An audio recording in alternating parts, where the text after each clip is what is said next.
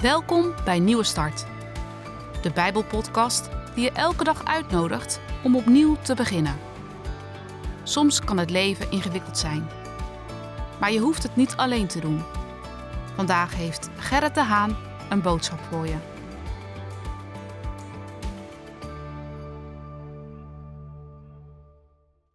Je kent ze misschien ook wel. Van die mensen die precies weten dat als je een echt christen bent, hoe je je moet gedragen, alsof geloven vooral te maken heeft met het je houden aan een heleboel regels, voorschriften en codes.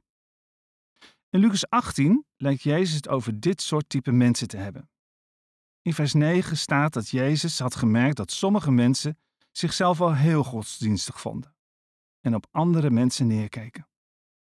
Daarom staat er, zo vertelt dit verhaal, zag hij en zei hij: Er zijn twee mensen die naar de tempel gingen om te bidden.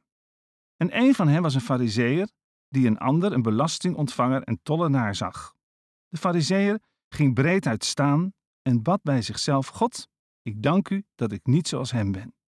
Als de andere mensen, want zij zijn hebzuchtig, oneerlijk en ontrouw. En ik niet. Dank u dat ik niet zo ben als die tollenaar daar. Twee dagen per week vast ik, geef ik u een tiende van alles wat ik heb. Maar die belastingontvanger, die daar stond, die bleef op afstand van de tempel staan en wilde zelfs niet naar de hemel opkijken. Hij wrong met zijn handen van spijt en zei: Vergeef me alsjeblieft, God, de slechte dingen die ik heb gedaan. De Fariseeër zag geloven zijn dienst aan God als het afwerken van een lijstje. Zorgen dat er veel plusjes, vinkjes op je lijst staan aan het einde van de dag. Check, vink, weer een goede daad. God zal wel blij zijn met mij deze dag. Ik heb mijn punten weer verdiend. Het mooie van het christelijk geloof is dat onze band met God, en met Jezus zijn zoon, vaak in beelden, termen en woorden worden gevat die een vorm van een relatie uitdrukken. Jullie zijn mijn vrienden, zei Jezus. En het gebed dat Jezus ons leerde begint met Onze Vader. En gelovigen worden aangeduid als Gods kinderen. En de gemeente wordt de bruid genoemd.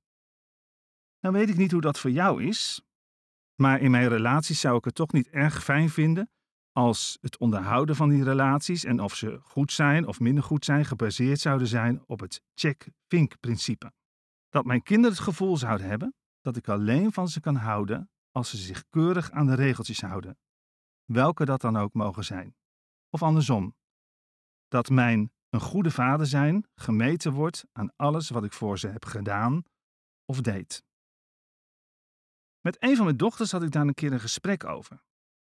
Ze voelde zich heel onzeker over haar rol als moeder, of ze het allemaal wel goed deed met haar kinderen. Ik zei tegen haar: Dat gaat je niet lukken. Alles goed doen. En ik weet zeker dat het mij ook niet is gelukt. Alles goed doen.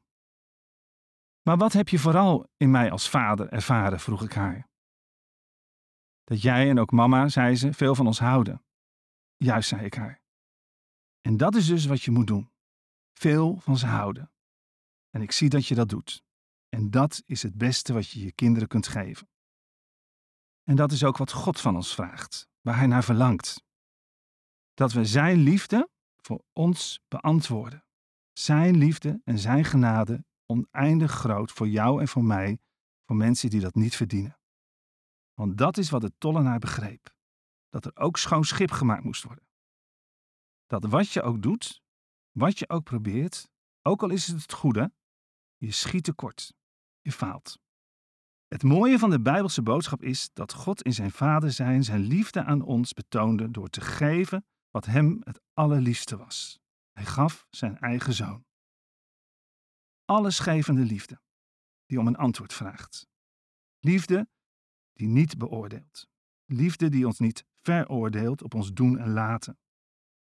Want dan slaat de weegschaal van vinkjes en kruisjes altijd uit in ons nadeel. Liefde beantwoordt met liefde. Meer vraagt hij niet. De tollenaar durfde de tempel niet in. Hij voelde zich onwaardig durfde niet naar de hemel te kijken. Wist, ik kan God niet in de ogen kijken. Toen ik dat las, kwam er een lied bij me op. En ik citeer het hier. Bij u ben ik thuis. U ben ik veilig. In u is mijn huis. In u ben ik heilig. In u.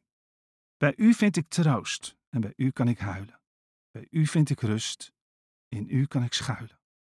En u neemt mij in uw armen en droogt mijn tranen af. Wat een liefde, wat een liefde. Bij u is het goed. U geeft mij uw zegen. In u is mijn hoop.